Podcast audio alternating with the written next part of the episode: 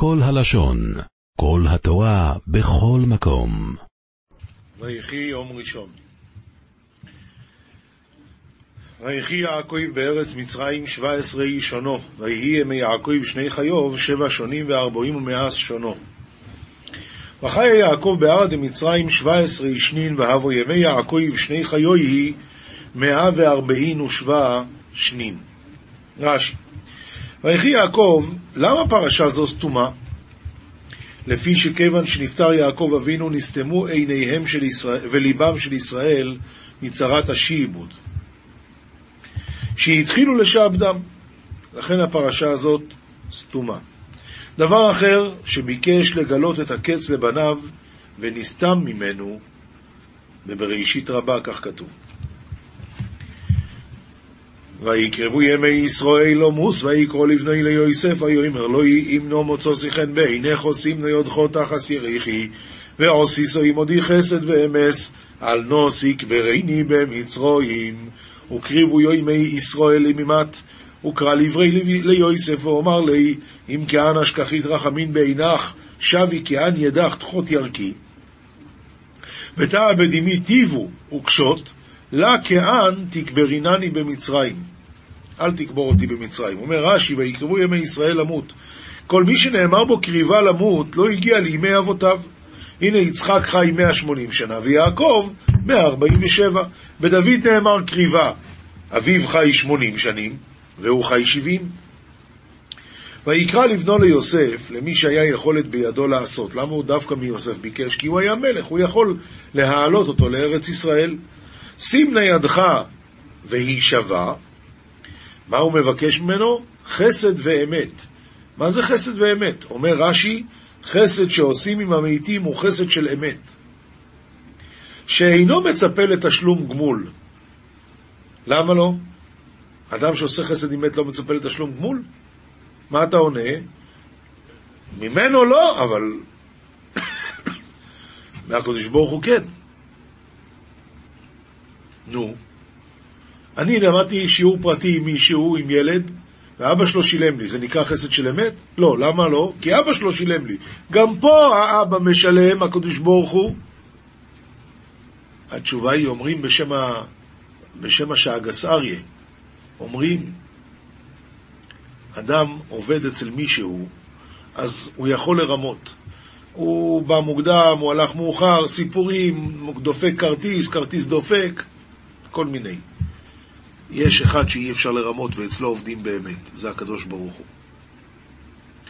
עשית עמדי חסד ואמת. כשאתה מצפה לתשלום גמול רק מהקדוש ברוך הוא, שם זה חסד של אמת, חסד שעושים עם המתים הוא חסד של אמת. שם אין לרמות. אל נא תגברני במצרים, סופה להיות עפרה קינים. וממילא אני לא רוצה. ועוד דבר, ושאין מתי חוץ לארץ חיים אלא בצער גלגול מחילות. ודבר שלישי, שלא יעשוני מצרים עבודת אלילים. אז שלוש סיבות שיעקב אבינו לא רוצה להיקבר במצרים. א', שהסוף הפרה להיות קינים, ב', שמתי חוץ לארץ קמים רק בגלגול מחילות, ושלא יעשוני מצרים עבודת אלילים. ושוכבתי עם אבו ישאי אונס, עושני ממצרים וקברתני בקבור סום. ויאמר, אונכי אעשה כדבורכו, וישכו במבהתי, ותתלינני ממצרים ותקברינני בקבור תהון, ואמר, אנא אעבד כפית גמך. כל הלשון. רש"י. ושכבתי עם אבותיי, מה זה ו? וו זו מחובר למעלה לתחילת המקרא. שים ניידך תחת יריחי וישבע לי. ואני סופי לשכב עם אבותיי, ואתה תישאני ממצרים. לרש"י היה כאן קשה. הרי ושכבתי עם אבותיי, איפה זה? בחברון. אז ושכבתי עם אבותיי, ואז הוא נשאתני ממצרים? הרי אני כבר בחברון. לכן אומר רש"י, אני סופי לשכב עם אבותיי, ואתה תישאני ממצרים. ואין לומר ושכבתי עם אבותיי אשכיבני עם אבותיי במערה, שהרי כתיב אחריו הוא נשאתני ממצרים. וקברתני בקבורתם, אז לא יכול להיות שאני כבר אשכב שם ואז תישא אותי ממצרים. לכן אומר רש"י, אני סופי לשכב עם אבותיי, ואתה, קח אותי ממצרים.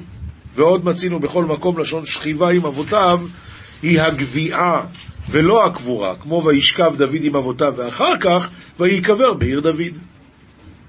אם כן, רש"י בא להסביר את השאלה הזאת, ושכבתי עם אבותיי, ורק אחר כך הוא נשאתני ממצרים וקברתני בקבורתם. לכן הוא מסביר, ושכבתי עם אבותיי, סופי לשכב עם אבותיי. דבר נוסף, ושכבתי עם אבותיי הכוונה לפ... לפטירה, ואחר כך הוא נשאתני ממצרים. יש, יש אה, הסבר שהוא בעצם נכנס בתוך הפירוש של רש"י, רק נותן יותר הסבר לעניין הזה. יעקב אבינו אמר ליוסף, תראה, אני אהיה בחברון, במערת המכפלה. איך אני יודע שאני אהיה שם? השם הבטיח לי. הוא אמר לי, אה, אל תירא מרדה מצרימה, אנוכי ארד עמך מצרימה, ואנוכי אהלך גם עלו. השם אמר לי שאני אהיה שם. איך אני אגיע לשם? עם הליקופטר, מטוס, משאית, או שאתה תיקח אותי. אני אומר לך, תזכה במצווה. ושכבתי עם אבותיי, אני אהיה שם. איך זה יקרה? אני מציע לך. ונשאתני ממצרים וקברתני בקבורתם. תזכה אתה במצווה הזאת. ויאמר ישוב עולי וישוב עלוי וישתחו ישראל על ראש עמיתו ואמר קיים לי וקיים לי וסגיד ישראל על ריש ארסה וישתחו ישראל תעלה באידני סגיד לי מה פתאום הוא משתחווה לבן שלו? אלא ששועל באידני כשהשועל עולה לגדולה תשתחווה לו.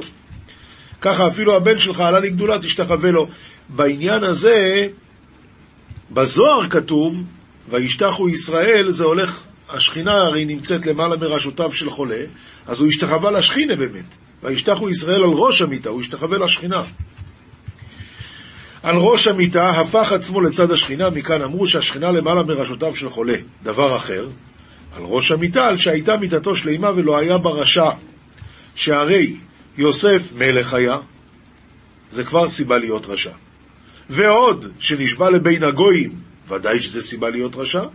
והרי הוא עומד בצדקו. על זה הוא השתחווה בהודעה להשם. גם מלך, גם שבוי בין הגויים, ונשאר צדיק. פש, זה ממש, ממש סיבה להודות להשם. ויהי אחרי הדבורים האלה, ויאמר ליוסף הנה אביכו חוילה, ויקח את שני עוונו ועמו יאס מנשה ואס אפרואים. ואהבה בת הרפית גם היה אילן, ואמר ליוסף אהבוך שכיב מרע. ודבר יתרין בנוי ימי יד מנשה ויד אפרים. ויאמר ליוסף, מי אמר לו? איך עוד מן המגידים? והרי זה מקרא קצר. אז מה, במצרים כבר היה מגיד מישורים. אחד מן המגידים, מי זה המגידים? אז אומרים ככה, הרי עד יעקב אבינו לא היה חולי בעולם. אדם היה מת, וזהו, עד אברהם אבינו לא הייתה זקנה. עד יעקב לא היה חולי. יעקב היה הראשון שביקש חולי. יוצא שזה פעם ראשונה בהיסטוריה שמישהו היה חולה. ואז הגיעה חדשה, יש חולה, יש חולה, שמעת? יעקב חולה, חולה, חולה! כולם דיברו על זה.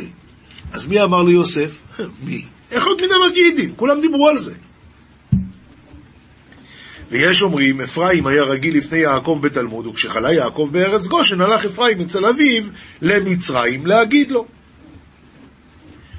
ויקח את שני בניו עמו כדי שיברכם יעקב לפני מותו. ויגד ליעקב ויאמר הנה בנכו יוסף בוא אליך וישחזק ישראל וישב על עמיתו.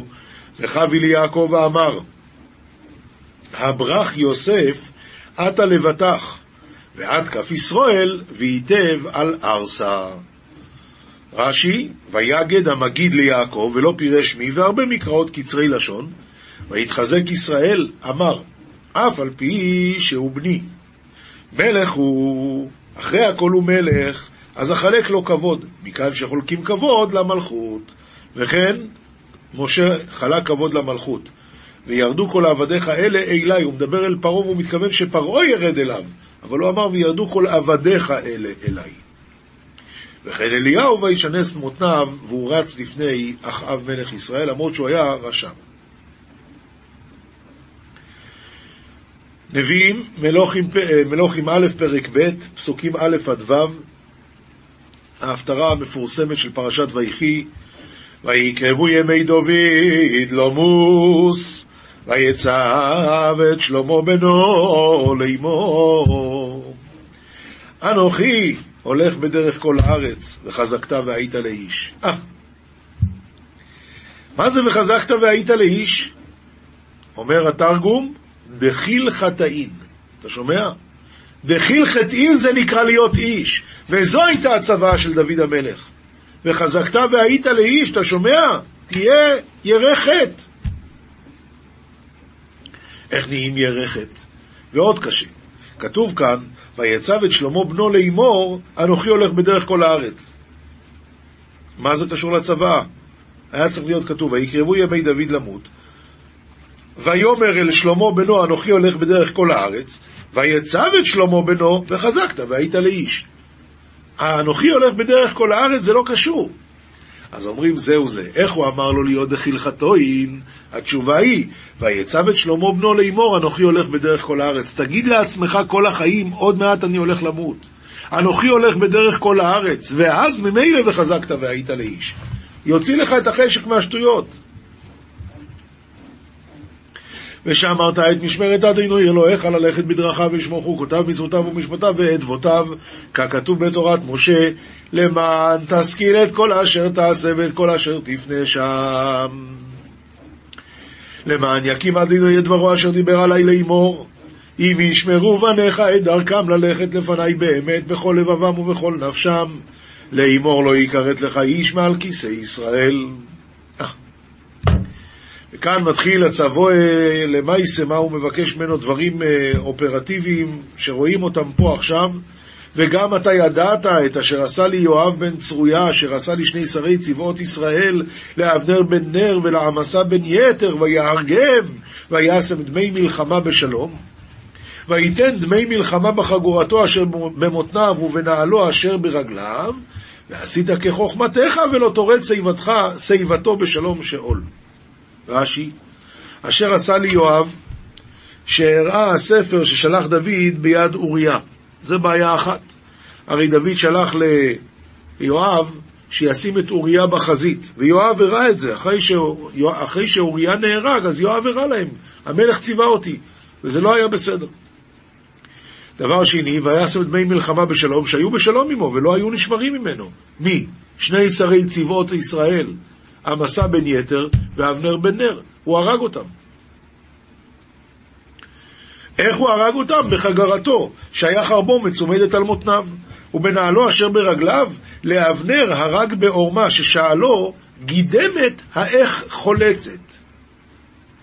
ואז אבנר התכופף להראות לו איך גידמת חולצת, והוא הרג אותו.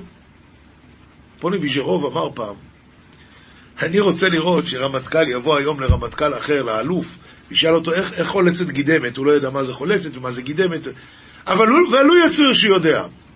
ממתי אתה שואל אותי שאלות כאלה? למה אבנר לא חשד? רואים מפה מי זה היה שרי צבאות ישראל אז. שני שרי צבאות ישראל נפגשים. הוא הרמטכ"ל של דוד, הוא הרמטכ"ל של שאול. על מה מדברים? לא F-15 ולא F-16 ולא תותח על ולא חץ ולא... מה כן?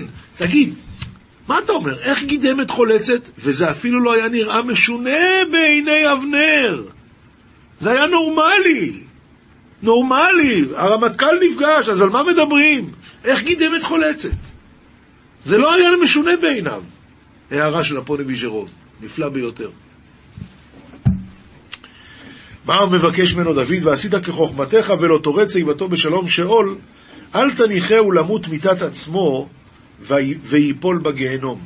זאת אומרת, דוד המלך מצווה את שלמה, אל תיתן לו למות במיטה, אם הוא ימות במיטה הוא ילך לגיהנום.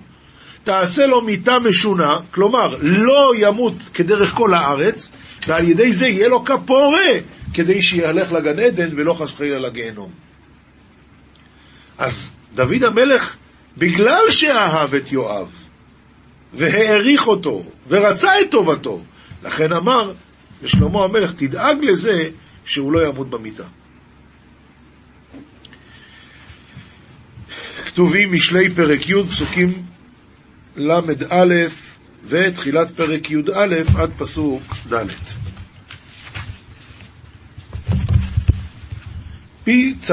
פי, צדיק ינום חוכמה, ולשון תהפוכות תיכרת.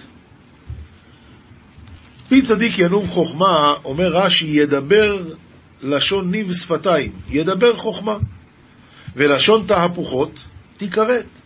אלה שמדברים אחד בפה ואחד בלב, ועוד כהנה וכהנה עבירות שעושים עם הפה, אז ממילא תיכרת. שפתי צדיק ידעון רצון, ופי רשעים תהפוכות. שפתי צדיק ידעון רצון, אומר רש"י, יודעים לרצות ולפייס את בוראם, ויודעים לרצות את הבריות ולהטיל שלום ביניהם. ופי רשעים תהפוכות, ההפך מזה. מתחילים פרק י"א, מאזני מרמה תועבת אדינוי, ואבן שלימה רצונו. אדם שמשתמש במאזני מרמה, המשקל לא, לא כמו שצריך, מרמה וגונב. אז מה זה? תועבת השם. ואבן שלימה, כשאדם שם משקולות כמו שצריך, מאזניים נכונות, זה רצונו של השם. בא זדון ויבוא קלון, ועת צנועים חוכמה. רש"י, בא זדון ויבוא קלון ועת צנועים חוכמה, דווקא לצנועים תבוא החוכמה. אצל מי שעושה בזדון דברים, בסוף יבוא הקלון. טומאת ישרים תנחם, וסלף בוגדים ישדם. רש"י, טומאת ישרים תנחם, תנהלם. התמימות שלהם, היא תנהלם. וסלף בוגדים ישדם, ישדדם. את זה כתוב בגמרא לגבי רובה, שישב פעם ועסק בתורה, והוא לא שם לב, מרוב שקיעות בתורה, האצבע שלו הייתה תחת הנעל ונזל דם. אז בא אחד, אמר לו שם, אחד מהגויים, אמר לו, אתם עם הפזיזה, שהקדמתם את פיכם לאוזניכם. נעשה ורק אחרי זה נשמע. אתם עם הפזיזה. ועד היום אתם ככה, תראה את האצבע שלך. אמר לו רובה, ענן כתיב בנתומת ישרים תנחם. אנחנו הלכנו בתמימות. אם אבא בא ומציע לך סחורה, אז אתה לא שואל מה כתוב, אתה אומר כן, כן. תומת ישרים, זה מה שמנחה אותנו. ואתם, סלף בוגדים ישדם. לא יועיל הון ביום אברה, וצדקה תציל ממוות. כשבא יום דין, לא יעזור שיש לו מיליון או עשרה מיליון. אבל, תומה, אבל צדקה תציל ממוות. צדקה תציל ממוות. אדם שנותן צדקה, אז הצדקה יכולה להציל אותו ממוות כי פשוטו. הגמרא מספרת על בת של רבי עקיבא, שהחוזים בכוכבים אמרו לו לרבי עקיבא שהבת שלו תמות ביום חתונתה, אז הוא אמר לה, תשמעי, את תעשי מאמץ ביום החתונה לעשות צדקה, ובאמת היא ראתה עני אחד בחתונה שאין לו מה לאכול, נתנה לו את המנה שלה. בלילה היא הלכה לישון, שמה את הסיכה שהיה לה בשערות, שמה את זה בקיר. בבוקר היא הוציאה את זה, יצא נחש שבדיוק ייתקע לו את הסיכה בתוך הראש, הרגה אותו. אז היא הראתה את זה לאבא שלה, לרבי עקיבא, הוא אמר, הנה, וצדוקת תציל ממובס, כי פשוטוי. אותו הדבר הגמרא מספרת על uh, שמואל, שהוא היה חוזה בכוכבים, וישב עם איזה גוי. ההוא היה חוזה בכוכבים גדול, וראו אנשים הולכים ליער. אומר החוזה בכוכבים הזה לשמואל, ההוא, אתה רואה אותו, הוא לא יחזור, במזל שלו אני רואה שהוא צריך למות. אמר לו שמואל, ואם הוא יהודי הוא כן יחזור. ולמעשה הוא חזר. אז שמואל קרא לו, אמר לו, תוריד את החליפה מהכתפיים. פתחו את החבילה של העצים, היה בפנים נחש חתוך. אז הוא ניצל בנס. שאל אותו שמואל, מה עשית היום? אז הוא אמר, אנחנו עושים בין החבר'ה כל יום אוספים את האוכל מכולם ואז מחלקים. היום אני הייתי אוסף, ושמתי לב שאחד לא הביא, אז כשהוא היה צריך לשים, שמתי את שלי. ואני לא אכלתי והוא כן. אמר שמואל, הנה לך, וצדקה תציל ממוות. כפשוטם של דברים.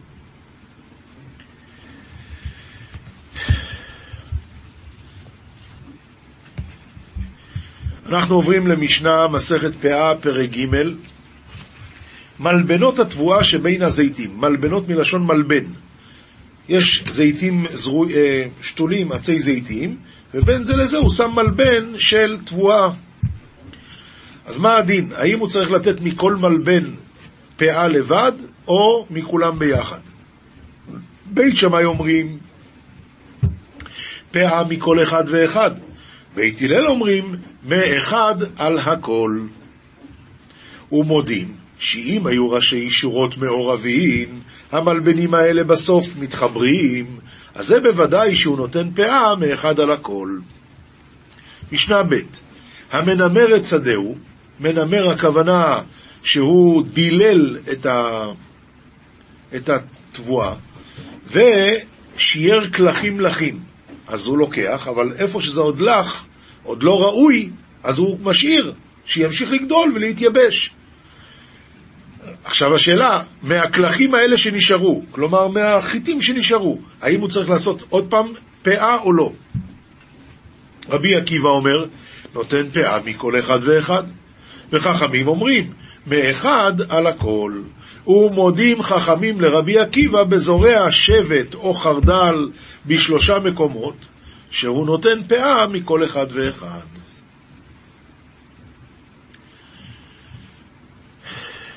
כי הדברים האלה לא רגילים לזרוע אותם בשדה אחת, אלא פה ושם, אז ממילא ודאי שלכתחילה זה צריך להיות פאה מכל ריכוז כזה. משנה ג' המחליק בצלים לחים לשוק ומקיים יביישים לגורן. יש בן אדם שיש לו שדה של בצלים. אז מה הוא עושה? הוא מוציא את אלה שהוא רוצה לקחת לשוק, הוא עושה בנפרד. ואת אלה שהוא לוקח למחסן, הוא עושה בנפרד. נותן פאה לאלו לעצמן ולאלו לעצמן. הלשון מחליק בצלים, הרב אומר, אידה מפרש לשון ואנוכי איש חלק, על שם שכשנתלשו נשאר המקום חלק. ויש מפרשים המחליק כמו המחלק, חלק הוא לוקח לפה, חלק הוא לוקח לפה. עכשיו, וכן באפונין וכן בכרם, שאם הוא לוקח חלק לפה, חלק לפה, חלק לתשמיש הזה וחלק לתשמיש הזה, צריך לתת פעמיים אה, פאה. המדל, כלומר, הוא מדלל את השדה,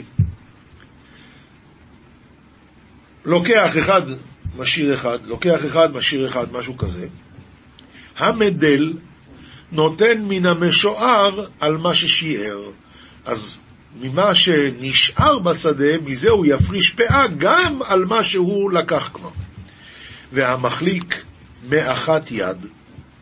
כלומר, הוא לוקח את כל מה שיש לו, את כל הבצלים הוא לוקח או לגורן, או את כל הבצלים הוא לוקח לשוק. אז נותן מן המשוער על הכל. כרגע הוא אמנם לקח רק חלק, אבל מה שנשאר הוא יעשה, הוא יעשה אה, פאה על הכל. משנה ד' האימהות של בצלים חייבות בפאה. האימהות זה בצלים שהוא משאיר אותם כדי שהם יגדלו בצלים נוספים. אז הן חייבות בפאה ורבי יוסי פותר. מלבנות הבצלים שבין הירק.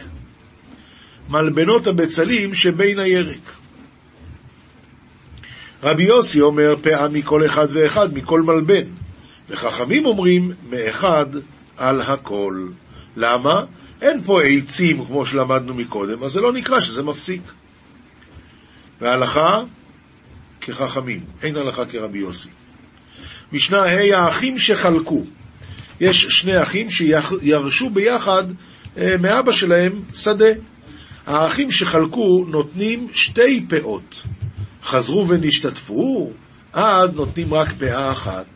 שניים שלקחו את האילן, שותפים שקנו ביחד אילן, נותנים פאה אחת. לקח זה צפונו של האילן וזה דרומו של האילן, הדין הוא שזה נותן פאה לעצמו וזה נותן פאה לעצמו. המוכר קלחי אילן בתוך שדהו, זאת אומרת, הוא מוכר, אה, הוא מוכר רק את האילן בלי הקרקע. המוכר קלחי אילן בתוך שדהו נותן פאה מכל אחד ואחד.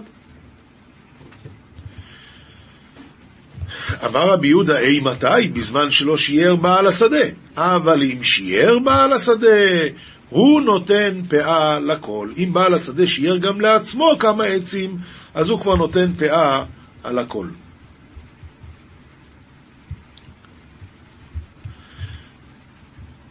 אומר הרב, כלומר, אם לא התחיל בעל השדה לקצור או ללקט פירות, אז הוא דחייב הלוקח ליתן פאה. אבל אם התחיל בעל השדה לקצור שדהו קודם שמכר את אילו, שנשאר מן השדה שלא נקצר או שלא נלקט, אז בעל השדה הוא הנותן פאה על הכל. למה? כי ברגע שהוא התחיל לקצור, אז החיוב פאה היה עליו. משנה ו' רבי אליעזר אומר, קרקע בית רובע חייבת בפאה. זה עשר אמות ומחצה על עשר אמות בקירוב. אז זה השיעור של קרקע, שאם אתה זורע אתה חייב בפאה. רבי יהושע אומר, העושה סתיים. זאת אומרת, זה לא הולך לפי גודל הקרקע, אלא לפי כמה כמות שהיא מוציאה. רבי טרפון אומר שישה על שישה טפחים. רבי יהודה בן ביתרא אומר, כדי לקצור ולשנות, שיוכלו לקצור, לא תופסים ככה, קוצרים. תופסים עוד פעם וקוצרים. אם יש פעמיים ככה, זה כבר מספיק כדי להתחייב בפאה. וההלכה כדבריו. רבי עקיבא אומר, קרקע כלשהו חייבת בפאה ובביקורים, ולכתוב עליו פרוסבול, אפשר לכתוב עליו פרוסבול בשנת השמיטה, ולקנות עמו נכסים שאין להם אחריות בקניין הגב, בכסף, בשטר ובחזקה.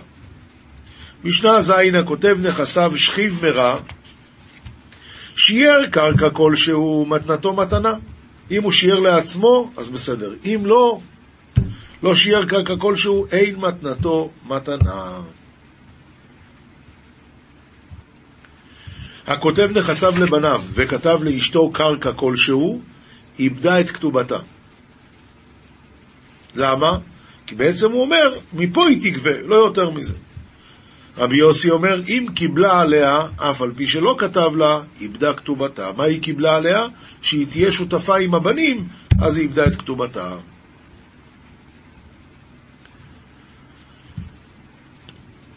הרב אומר, מה זה איבדה את כתובתה? בשכיב מרע מיירי, שמחלק נכסיו לבניו, וכתב לאשתו חלק בין הבנים, ושמעה ושתקה. ולא אמרה, כתובתי אני גובה, או כיוצא בזה, אז איבדה את כתובתה. משנה אחרת הכותב נכסיו לעבדו, יצא בן חורין. הוא כתב את כל נכסיו לעבדו, אז הוא יצא בן חורין. שיער קרקע כלשהו, אז לא יצא בן חורין. למה? כי אם הוא השאיר משהו, אז בוודאי גם את העבד עצמו הוא השאיר. רבי שמעון אומר, לעולם הוא בן חורין עד שיאמר, הרי כל נכסיי נתונים לאיש פלוני עבדי, חוץ מאחד מריבו שהם. ומי זה האחד מריבו? זו כנראה הכוונה על העבד עצמו. אבל אם הוא לא השאיר, אז הדין הוא שהעבד יוצא לחירות. גמרא, מסכת ברכות, דף ו עמוד א', תניא, אבא בניומין אומר, אין תפילתו של אדם נשמעת אלא בבית הכנסת. שנאמר, לשמוע אל הרינה ואל התפילה. מה לומדים מפה? שבמקום רינה, שם תהא תפילה. מה זה במקום רינה? איפה שאומרים שירות ותשבחות של הקדוש ברוך הוא, שם זה המקום שבו נשמעת התפילה, אומר רש"י, במקום רינה בבית הכנסת, ששם אומרים הציבור שירות ותשבחות ובנעימות כל ערב, בנעימות כל ערב, אז זה המקום שבו נשמעת התפילה. אומר רבין ברב עדה, אומר רבי יצחוק, מניין שהקדוש ברוך הוא מצוי בבית הכנסת, שנאמר, אלוקים ניצב בעדת כל. ומניין לעשרה שמתפללים ששכינה עמהם, שנאמר, אלוקים ניצב בעדת כל, ועדה זה עשרה. ומנין לשלושה שיושבים בדין ששכינה עמהם, שנאמר, בקרב אלוהים ישפוט. אומר רש"י, מה זה בקרב אלוהים ישפוט? ואין בית דין קרויים אלוהים אלא בשלושה. כשהם שלושה זה כבר נקרא אלוהים. הלאה. ומנין לשניים שיושבים ועוסקים בתורה ששכינה עמהם, שנאמר, אז נדברו יראי השם איש אל רעהו, ויקשב השם וישמע. שואלת הגמרא, מהי ולחושבי שמו? הרי ההמשך של אותו פסוק שאמרנו עכשיו, אז נדברו יראי השם איש אל רעהו, ויקשב השם וישמע, וייכתב בספר זיכרון לפניו, ליראי השם ולחושבי שמו. מהי ולחושבי שמו? אומר רב אשי, חשב אדם לעשות מצווה ונאנס ולא עשאה, מעלה עליו הכתוב כאילו עשאה. שואלת הגמרא, ומנין שאפילו אחד שיושב ועוסק בתורה ששכינה עמו, שנאמר, בכל המקום אשר אזכיר את שמי, אבוא אליך ובירכתיך. שואלת הגמרא, וכי מאחר דאפילו חד, תרי מבעיה. אז למה צריכים בכלל פסוק? הרי אם אתה אומר שאפילו באחד השכינה עמו, אז מה צריכים להגיד בשניים, בשלושה, בחמישה? מה צריכים להגיד את זה? התשובה היא, טריין מקטוון מילה יהיו בספר הזיכרונות. חד, לא מקטוון מילי בספר הזיכרונות. זה ההבדל. שאדם אחד שעושה את המצווה, שלומד את התורה, אז בסדר, שכינה עמו, אבל לא כותבים את מה שהוא אומר בספר הזיכרונות. שניים כן, למה?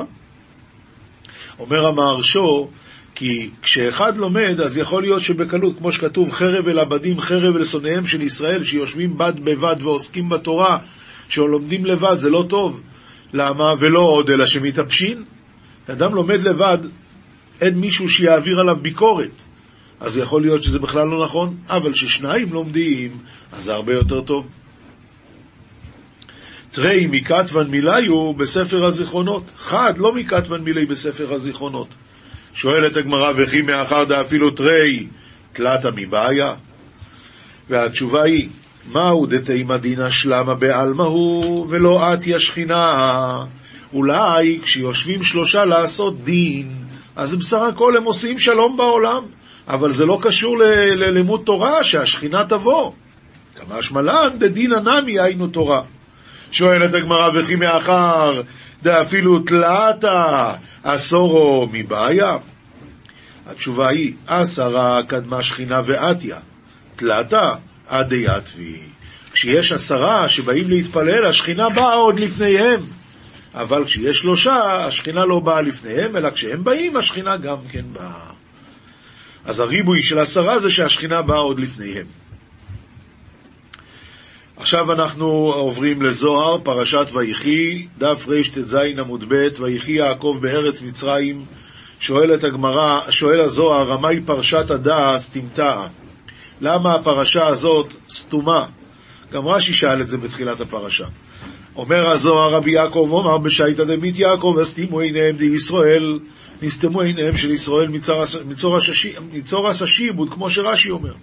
רבי יהודה אומר, דכדי נחתי לגלותא והשתעבידו בהון. כי אז ירדו לגלות והתחילו להשתעבד בהם. רבי שמעון אמר, מה כתיב לעילה? וישב ישראל בארץ מצרים, בארץ גושן, ויאחזו בה, ויפרו וירבו מאוד. זה מה שכתוב לפני כן. וכתיב מיד אחרי זה, ויחי יעקב. דלא יתחזי להפרשה בין דלת ה... אין להפריד בין הפסוק הזה לפסוק הזה. ומה הכוונה? מה אינון קיימי בתפנוקין דמלכין וקבילו אינוגה וכיסופין לגרמיו? כמו שעם ישראל כתוב, ויאחזו בה, ויפרו, וירבו מאוד, תענוגי עולם. אף יעקב נמי קיים בתפנוקי מלכין באינוגה וכיסופה לגרמי. גם יעקב אבינו היה בתענוגות המלכים, בעונג מחמדים לעצמו, לא יתפרש דם מנדה, לא נפרד זה הפסוק מהפסוק הזה. ואחא יקרי ויחי, וכאן במצרים זה נקרא שהוא ויחי יעקב בארץ מצרים, דהכל יומוי לא יקרי ויחי בגין דכל יומוי בצער אהבו. אתם יודעים, אריק היה צרות כל החיים שלו. צרת, uh, בהתחלה היה לו עם עיסא, ואחר כך היה לו עם לבן, ואחר כך היה לו עם יוסף. כל החיים צרות.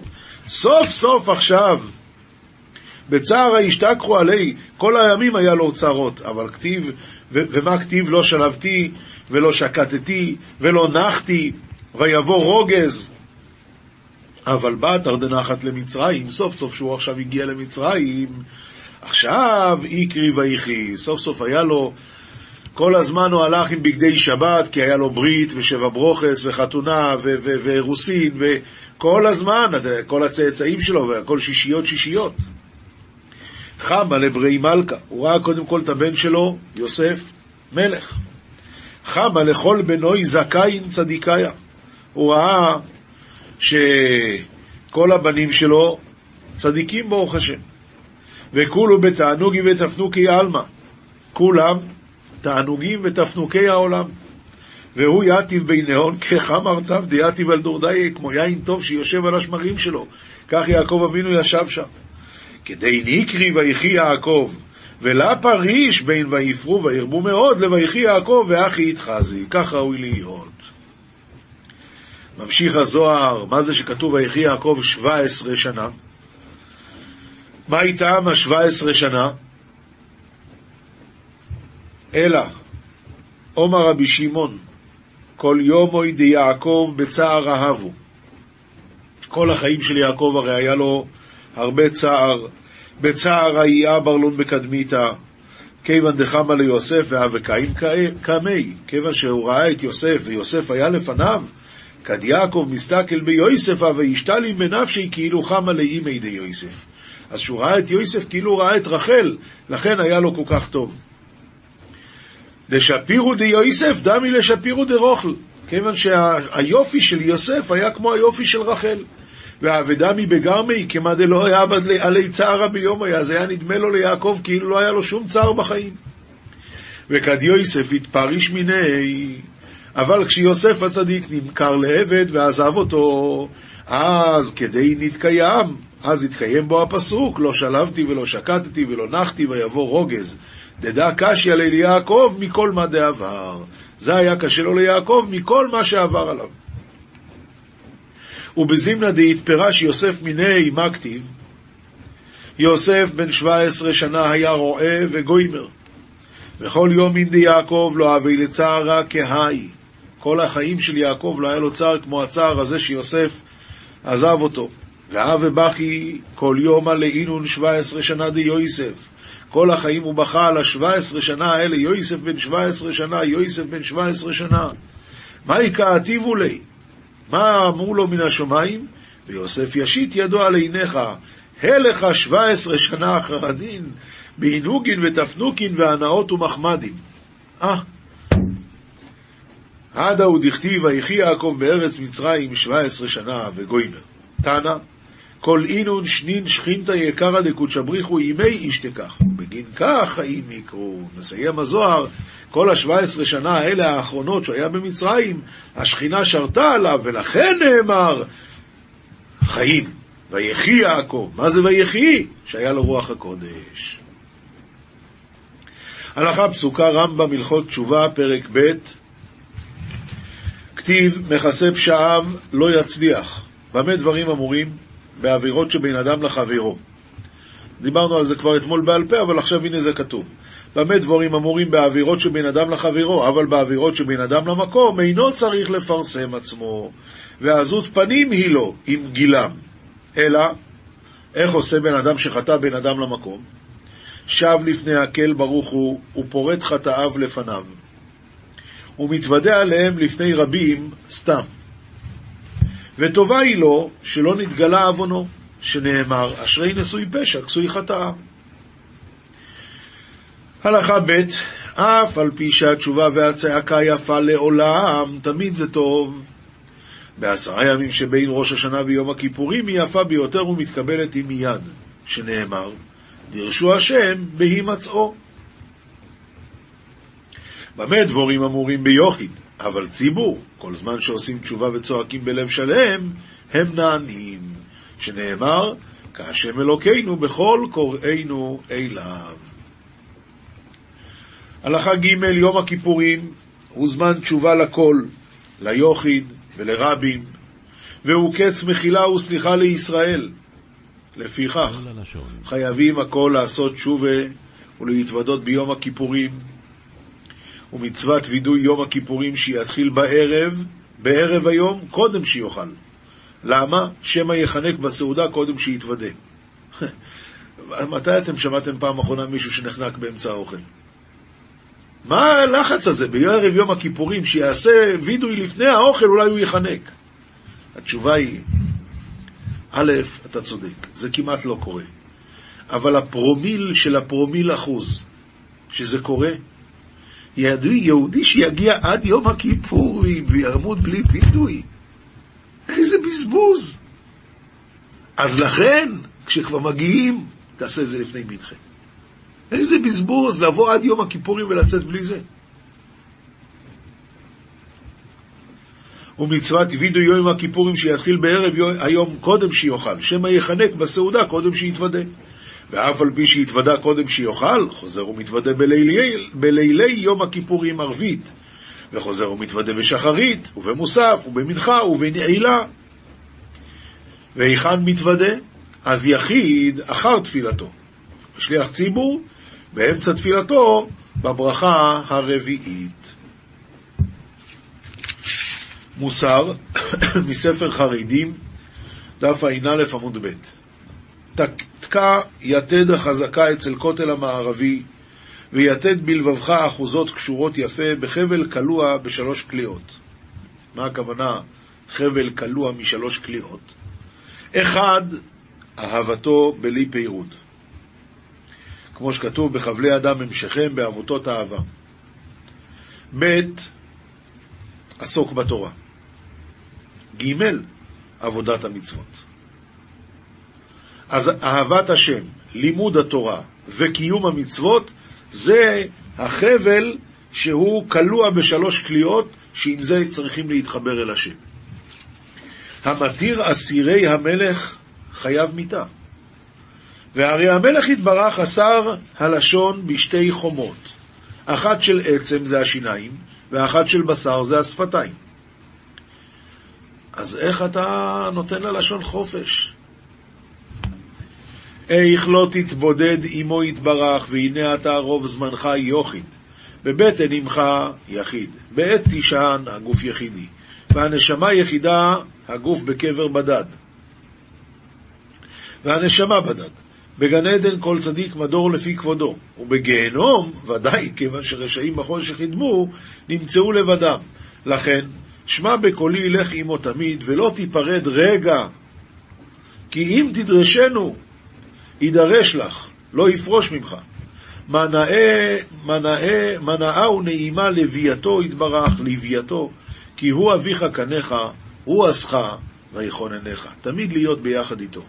תמיד להיות ביחד איתו.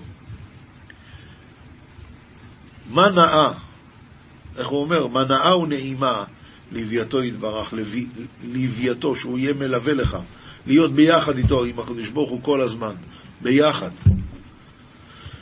כי הוא אביך קניך, הוא עשך ויכוננך. עולם שלם של תוכן מחכה לך בכל הלשון, 03 617 1111